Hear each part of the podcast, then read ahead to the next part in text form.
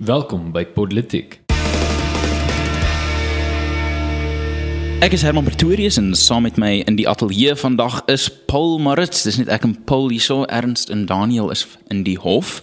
Uh nie in hulle eie hoedanigheid nie. Hulle is uh totaal onskuldig en ek is bly om te sê dat Daniel is weer toegelaat op Twitter. So baie dankie vir almal wat ons ondersteun het in daai poging. Maar in vandag se episode kyk ons dan na drie fascinerende onderwerpe ek en Paul en ons begin by uh, stede in onlus, Mboweni wil die vuur blus en dan laastens VK dalk weer na stembus. Nou ja, Herman, kom ons spring weg na ons ons hierdie eerste onderwerp. Uh, ons sien uh, drastiese dinge wat aangaan in Suid-Afrika. Uh, Maandag die 3de September het ons gehoor dat daar reeds 5 mense oorlede is. Wat is besig om aan te gaan in Suid-Afrika se stede, vernaamlik die twee Gautengse stede? Wel Paul, ek dink uh, dit is dit is een van die mees kommerwekkende dinge wat ons uh, hierdie jaar nog gesien het. Hierdie 2019 was verragtig nie 'n kalm jaar ten opsigte van sosio-ekonomiese en politieke of politieke ehm uh, gebeure en en verwikkelinge en strome nie. Maar wat ons hier sien is 'n uh, grootskaalse ontevredenheid. Op hierdie punt sien ons dit is hoofsaaklik gerig teenoor ehm um, buitelanders uh, en ons kan onthou in 2008 was daar soortgelyke xenofobiese tendense en proteste en geweld en ek dink 'n uh, klomp van ons luisteraars mag dalk soos ek en jy gruwelike video's uh, gesien het op op uh, Twitter en en en Facebook en so waar ons sien uh, hoe die die die opereerskappy van die reg totaal al in daai storie die polisie en uh, betogers skiet op mekaar skiet dan uh, op op iemand wat die uh, uh, gebeure afneem. Ons sien mense wat letterlik met klippe gegooi word. Dit is dit is werklik nogals ontstellend. So breedweg ons uh, stede was die afgelope tyd in in onluste en op hierdie punt lyk dit asof die hoofteiken van daai onluste buitelanders is. As ek so 'n bietjie gou humor mag toepas, iemand sê gister vir my uh van die braaidag die 24ste September kom gaan ons onsekerheid hê oor wat presies dit is wat aan die brand is. En mense lag oomblik daar, maar dit is eintlik vreeslik hartseer. Ek ek wil twee punte maak. Die eerste een is dis vir my verskriklik tragies. Um wat soort van die die oploop tot hierdie situasie is. Natuurlik binne die binne in Pretoria in die Tshwane Metro het 'n klomp taxi bestuurders gesê nee maar daar's uh onwettige immigrante en mense van die buiteland wat besig is om dwelms aan kinders te verkoop. En alhoewel ek saamstem dat dwelms nie aan kinders verkoop moet word nie inteendeel ek ek dink is een van die gruwelikste dinge wat jy kan doen dink ek nie dit regverdig en daarmee soms sonder 'n uh, openbare verhoor of regter. Dit regverdig nie dat jy uh, as burgerlike lid nou maar sommer net die reg in eie hande mag neem en iemand wat alreeds uh, in swaar kry uit hulle land uitgevlug het kan aanval nie. Uh, indien jy 'n klagte het en indien jy dit legitiem kan bewys, gaan gerus na die polisie toe. Ek stem saam is nie die mees effektiewe polisie op aarde nie, maar weet jy wat, ek dink hulle hulle kan vertrou word om om hulle mense te beskerm of ten minste, jy weet, volg die regte proses. Ja, goed, uh, Herman skat sê op ek stem saam ons polisie het nie die beste rekord nie. Die tweede punt wat ek wil maak het my regtig blau. Is dat Julius Malema gister die volgende getweet het. Hy het hy het getweet ons woede is verkeerd gekanaliseer. Ons moenie ons mede-Afrika broers en susters aanval nie ons met wit monopolie kapitaal aanval. Uh hier is 'n persoon wat wat hoeveel persent is dit 12% van die nasionale stemmers op hom kon trek en hy gaan nie en sê ek verag alle geweld nie. Hy gaan en sê hierdie geweld uh, jy weet hy sê niks oor die geweld nie. Hy sê net dit is na die verkeerde rigting toe gekanaliseer. Kommerwekkende tye Herman. Nee, definitief. Ehm um, ek ek ek wil graag jou twee punt reageer en 'n bietjie uitbrei. Kom ons so kom ons begin op die uh Malema ene dit is dit is ek moet ek moet ek moet sê dit is 'n uh, uh, eskalering of eskalasie van 'n uh, verdelende retoriek wat ek dink totaal nul totaal nul onwelkom is en ongelooflik gevaarlik is en daarso is ek dink dit was nie Miller. Ek kan nie presies onthou wat daai daai rympie van eers het hulle gekom vir die sosialiste en ek het niks gesê nie want ek was nie 'n sosialis nie toe die Jode en ek niks gesê nie want ek was nie 'n Jood nie. En toe hulle vir my kom toe was daar niemand om iets te sê nie. En ons sien hierdie as 'n uh, die die die hierdie proses word werklik werklik um, dis dis amper asof hulle asof Malema hulle daai rympie gevat het en verkeerd toegepas het. Soos om 1984 as 'n handleiding te lees eerder as 'n waarskuwing. En hulle het begin by wit uh wit Suid-Afrikaners, wit boere toe in uh, toe wit besigheids uh, mense, toe Indiër besigheidsmense. Op 'n stadium was die kleerlinge ook in die spervuur. Nou is ons by die Nigeriërs en die Somaliërs. En by elke punt vind hulle een of ander identifiserende ras of etniese kwessie wat ehm um, mense ehm um, volgens hulle regmatig blootstel uh en kwesbaar maak vir 'n bietjie uh, retributiewe groepsgeweld. Nou die probleem is ons kan sien wat hier aangaan. Eers het hulle begin by uh wat die die mense wat onder apartheid gesien is as blank of Europeërs. Toe beweeg hulle aan na Indiërs en kleerlinge en nou is dit al nie meer 'n raskwessie nie, maar 'n etniese kwessie, 'n xenofobiese kwessie. So dit is 'n ongelooflike gevaarlike 'n ongelooflik gevaarlike tendens in die sin dat on, dit is duidelik dat dit is nie net maklike swart op wit rasisme uh, of swart op indië rasisme nie. Dit is 'n 'n 'n doelbewuste teiken van spesifieke groepe en dis ongelooflik gevaarlik en die hartseer ding is Malema is nie die enigste politikus wat hier onskuldig is nie. David Makura het 'n week of twee gelede gesê, nee, hulle hy hy die premier van Gauteng, hulle moet maatreëls tref dat buitelanders sekere besighede in Suid-Afrika nie mag bestuur nie of nie mag deelneem aan sekere sektore nie. En mense, hierdie is nie net rassisties nie, maar dit vat ons al 100 jaar terug. Dit vat ons terug na die na die uh uh 1920s met die, na na na 'n uh, werksbesetting vir sekere rasgroepe. En die ek ek ek neem ook vir Herman Mashaba kwaliek in hierdie opsig dat hy het ook anti-immigrasie amper xenofobiese retoriek al gebruik en die ding is ons sit in 'n land met ongelooflike sosio-ekonomiese druk. En as ons kyk oor die afgelope 10 jaar het protesoptogte en gewelddadige protesoptogte en demonstrasies toegeneem met 400%. En hierdie is amptelike polisie data, 400%. En ons sien dat die styg in hierdie proteste korreleer baie baie baie mooi met sosio-ekonomiese vooruitgang. So solank as wat ons land sosio-ekonomies nie vooruitgaan gaan nie, gaan hierdie proteste aanhou en dalk selfs eskaleer.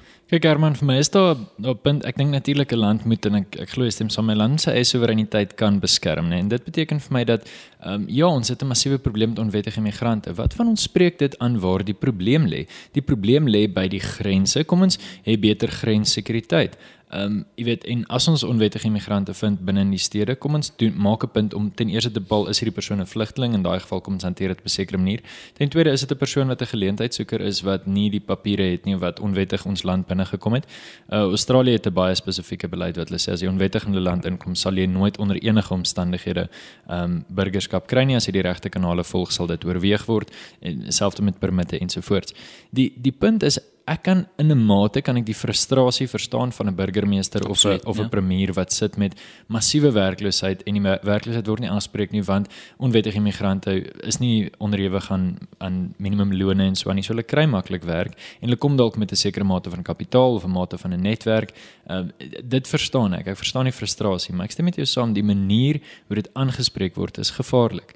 Die eenvoudige ding is en en ek dink ons jy weet ons sê dit en en is eintlik al soveel keer gesê. Die, die vraag is waar gaan dit stop? As jy vir jouself sê nee, ek ek val nie uh, onwettige migrante aan nie. Ek val letterlik net dwelmhandelaars aan.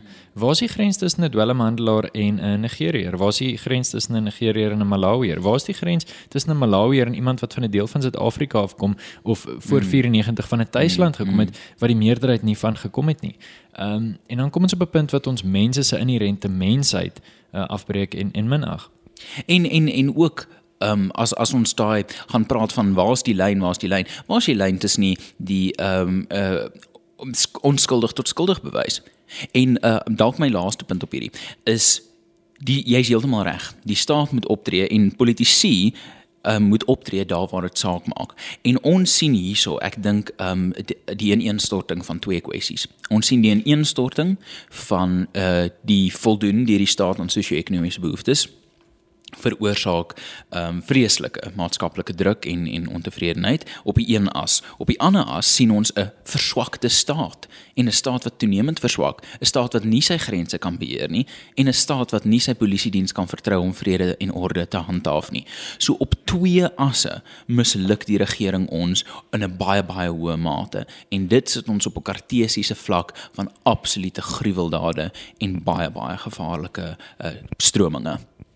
Nou ja, gepraat van interessante strominge. Uh kom ons kom bietjie by dit wat uh, ons tweede onderwerp is en dit is uh, dat minister van finansies Tito Mboweni die vuur wil blus. Nou wat bedoel ons hiermee? Dinsdag die 27ste Augustus het uh, minister Tito Mboweni 'n uh, verslag uitgebring, 75 bladsy dokument waar hy ekonomiese reformatie voorstel. Nou goed, so 62 bladsye daarvan is werklik inhoud, so 13 bladsye toon die navorsing wat hy gedoen het en ek dink dis redelik aspres hy en sy span wil wys dat hierdie nie halfgebakte idees is nie. Die Daily Maverick lewer verslag dat hulle sê wat eintlik hier gebeur is dat Mboweni ehm um, eintlik in effek die politici van die land in twee kampe wil indeel. Hulle wat ideologies sal bly vashou totdat ons op die punt van Venezuela is en hulle wat die feite op die grond raak sien en besef dat ons feitgebaseerde oplossings eerder as ideologie nodig het. Die die hervormings is nie noodwendig self so interessant nie, miskien net vinnig vir jou as luisteraar. Dit fokus spesifiek daarop dat ons geld moet investeer in arbeidsintensiewe sektore, vernaamlik word toerisme bespreek dat ons die visumregime moet afbreek en dat ons dit makliker moet maak uh, vir mense om na Suid-Afrika te reis en dat ons die polisie teenwoordigheid by toeriste aantreklikhede moet verhoog. Dit sal natuurlik beteken dat hierdie arbeidsintensiewe sektore sal groei soos wat die res van Afrika groei in toerisme beleef. Ehm um, wat meer interessant is en ek dink wat vir ons by politiek die interessant is, is die manier hoe daar gereageer is. Die SAKP en Kusatu het het letterlik gesê dat ehm um, dat minister Mboweni in 'n droomwêreld lewe.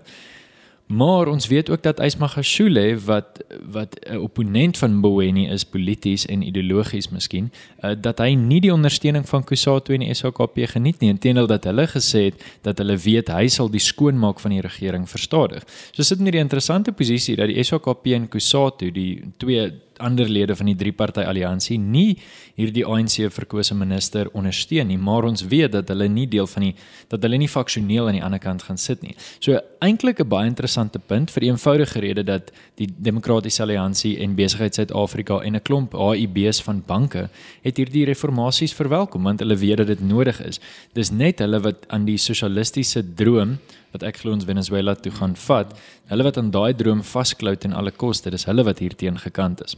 Ja, en uh, wat vir my baie interessant was, is SAFTU, die Suid-Afrikaanse Vereniging of Federasie van uh Handelsunies, ehm um, se voorsitter is Welenzima Wawi. Uh, ek dink hy is die voorsitter, ek is nie presies seker nie, maar hy's 'n groot kokkedoor daar. Hy het ehm um, gereageer nou die dag op Twitter, presies soos Kusato, presies soos die SAKP en gesê nee nee nee, hierdie is uh hierdie is absoluut die verkeerde ding om te doen en en uh, so in sy woorde sê hy dit dit dit, dit gaan misluk en dit is uh ehm um, op dieselfde uh fragiele gronde gebaseer as al die groeiplanne wat in die verlede misluk het. Nou die probleem is en dit is nie waar nie uh die een so aan die een kant is hy oneerlik daaroor. Aan die ander kant is hy wel eerlik as hy sê dit herroep die dae van Geer, die ekonomiese program van die laat 90 96 aan tot omtrent 2004 2005 dalk 2007 as mens um 'n sekere perspektief volg. En hy sê nee en dit gaan hierdie is Geer in 'n in 'n 'n nuwe formaat en dit gaan net dit gaan misluk soos wat Geer misluk het. Die probleem is Gear het nie misluk nie. Gear is die naaste wat Suid-Afrika al ooit gekom het aan 'n werklik vrye mark bestel. Uh Gear was ver van perfek af. Daar was 'n uh, klomp klomp sektorale inmenging en veral die idee van 'n uh, uh swart ekonomiese magtiging het onder Gear regtig begin kop uitsteek. Maar as mens gaan kyk na die resultate, dan kan ons sien van die implementasie van Gear tot in 2007 sien ons vir die eerste keer um op daai punt sedert die 70s wat die Suid-Afrikaanse uh, ekonomie in stap kom. Dit begin tred hou met internasionale BBP koerse. Ons raak uiteindelik deel van die internasionale ekonomie. Ons sien groei persent uh van wat begin by 3% en vir 3 jaar hier teen uh tussen 2004 en 2007 groei ons teen meer as 5% per jaar. En vir die eerste keer, verskoon my, vir die eerste keer sien ons 'n afname in werkloosheid. Daai ekonomiese groei het 'n merkbare afname in werkloosheid gesien wat ons nie wat ons sedertdien nie weer ervaar het nie. So deur te fokus op op op uh, slim idees soos toerisme, deur te fokus op uh, op die meer 'n markgedrewe ideologie. Nou hierdie dokument gaan nie baie ver op daai uh, uh, uh, pogings nie, maar dit is al definitief 'n stap in 'n beter rigting as wat ons gehad het voorheen.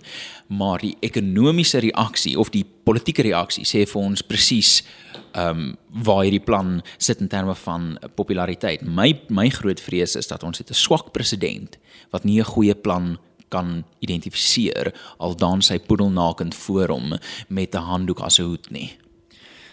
Kyk Herman, ek is nie heeltemal op die punt waarvan Hayek was om te sê dat jy weet enige sentrale beplanning is altyd sleg want die sentrale beplanner het nie toegang tot al die inligting nie. En jy weet ek is nie heeltemal op daai punt nie, maar ek glo werklik dat ons ekonomiese um, administrasie te veel is en ek sal 'n plan ondersteun soos hierdie plan wat spesifiek sê dat die administrasie rondom ehm um, rondom besigheidsstigting ensovoorts moet verminder.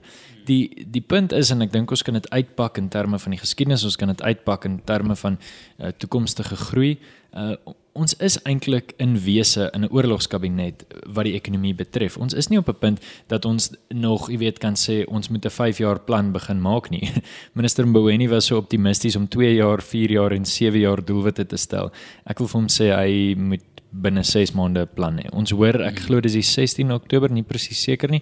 Ehm um, ons hoor op 'n stadium die middeltermyn begroting hmm. behoort middel Oktober erns te wees en uh, ek moet eerlik wees die die eerste 6 maande van Wel goed, na die verkiesing se eerste ruk het nie so goed gegaan nie, maar ja, die eerste jaar van Tito Mboweni dink ek nie het het die het die oplewerings gehad ekonomies en en beleidsrigting gewys wat hy gehoop het nie. En die interessante is, ek dink nie is sy skuld nie. Dis Ysmagashule en sy faksie wat wat die die wat die Nasrek resolusies gewoon uh, druk en vir president Ramaphosa in posisies indruk waarmee hy nie gemaklik is nie. Uh nou ja, voor ons aanbeweeg na volgende onderwerp, wat dink jy uh laaste woord van jou op hierdie onderwerp? Wel, Paul die ehm um, ek dink jy is heeltemal reg of, of ek dink jy is amper reg om te sê daar's 'n oorlogskabinet in opsigte van die ekonomiese kluster. Ek dink daar's minder. Ek dink daar's een, ek dink daar's 'n stemroep in die woestyn. Ek weet nie, ek kan nie dink aan enige ander minister in die kabinet wat in Boeni se se planne sal ondersteun nie so goed as wat hulle dalk mag wees of ek wil nou nie oor entoesiasties klink oor die plan nie ek dink daar is groot probleme in die plan maar dis die beste ding wat al in 'n dekade uit die ANC se ekonomiese denke gekom het. So kom ons verwelkom die vordering die klein vordering wat ons sien. Maar watter ander minister gaan ons hier ondersteun? Uh ek, ek dink nie on daar's enigiets nie. Die die die probleem is ek ek ek ek sien nie hoe hierdie uh werklik um amptelike regeringsbeleid word nie. En as ons gaan kyk na die Oktober uh, uh volgende uh, inligting wat ons kan kry oor die begroting en die en die, en die besteding van die staat, on, ons moet ook onthou in November ehm um, gaan Moody's ons uh, kredietwaardigheid weer heroorweeg en hulle is nog die enigste agentskap wat ons uh op wat ons op 'n uh, beleggersvlak sien. Die ander twee um, Fitch and Standard & Poor het ons op subinvest 'n uh, subbeleggingsvlak. So ons moet al hierdie dinge versigtig uh in in in in ag neem, maar ek dink nie ons moet te veel hoop dat hierdie plan vir ons regtig resultate gaan lewer omdat dit nie geïmplementeer gaan word nie. Nou ja, vir jou vir jou as jong politiek luisteraar as jy 'n uh, huis wil koop, nou is die tyd. Nog bietjie gulge humor van my vandag. Nee, ons kom ons derde onderwerp en ons spreek so 'n bietjie vandag die tradisie van drie plaaslike onderwerpe en een oorseese onderwerp en ons spring reguit uh as dit ware oor die water na die Verenigde Koninkryk toe. En uh wie beter as jy Herman om vir ons 'n bietjie analise hier te doen. Dit is dis vreeslik interessant dat jy weet 2016 het ons hierdie hele groot ding van Brexit en vir 3 jaar probeer hulle dit onderdruk en dan kom iemand aan bewind wat eintlik van die begin af die hele partytjie gelei het letterlik. Ehm um, en dan jy weet ewe skielik het jy hierdie hierdie interne striwelinge wat die ware kleure wys van van 'n paar van die konservatiewe party se se toplede dat hulle eintlik nie ingekoop is in hierdie gedagte nie. Ideologies weet ons dat 'n klomp mense klomp goed oor Brexit te sê het, maar ons is nou by die punt waar die tekkie die teer moet tref en dit lyk my asof mense nie saamstem presies wat se tekkie presies wat se teer en presies in watter rigting ons draf nie. Wel, ek ek weet nie eers of hulle saamstem daar is 'n tekkie of 'n teer nie. So dit is dit is 'n groot probleem. Nou om om om 'n vinnige uh, oorsig te gee. Tradisioneel is die regering wat in die Britse parlement beheer het oor die wetgewende skedule. So dit beteken hulle kan as daar wetgewing voorgestel word deur die oppositie kan hulle eenvoudig net nie debat tyd daarvoor skeduleer nie en dan sal dit nie wetgewing word nie. Maar wat nou gisteraand in die parlement uh Dinsdag aand in die parlement gebeur het in die Laarhuis die uh 'n oppositie koalisie, 'n los koalisie, 'n konglomeraat van uh basies teen Brexit LPs het gestem om vir Woensdag van uh, uh, uh, beheer van die uh, wetgewende skedule oor te neem. Dit beteken hulle kan wetgewing aanvaar waarmee die regering nie saamstem nie. Nou dit is 'n uitsonderlike vreemde posisie want hoe dit gewoonlik werk in die Britse parlement is die regering ehm um, skeduleer wetgewing wat hulle voorstel, dit word aanvaar omdat die regering 'n meerderheid in die laerhuis het. Dit gaan na die uh, herehuis toe, dit gaan na die monarg toe. Die eerste minister adviseer die monarg om dit te onderteken, dit word wet. Maar hier het ons 'n situasie waar een die wetgewing wat vandag voorgestel gaan word nie deur die regering ondersteun word nie. So op die ou einde, wanneer die monarg dan met pen in die hand sit en luister na hoofadviseur die eerste minister, het ons 'n baie sterk moontlikheid die eerste minister vir haar sê uh u majesteit hierdie is wetgewing wat u nie moet onderteken nie. En sy uh die die monarg sal uit uit uit grondwetlike tradisie uh vir haar eerste minister moet luister. Maar dan het ons die probleem waar die monarg dan betrokke raak by politiek uh, nie politiek nie, by politiek ons Oh yes, thank you. Um, ek weet nie of dit so Afrikaans nie. Nee, ek ek ek Hallo julle. Hallo.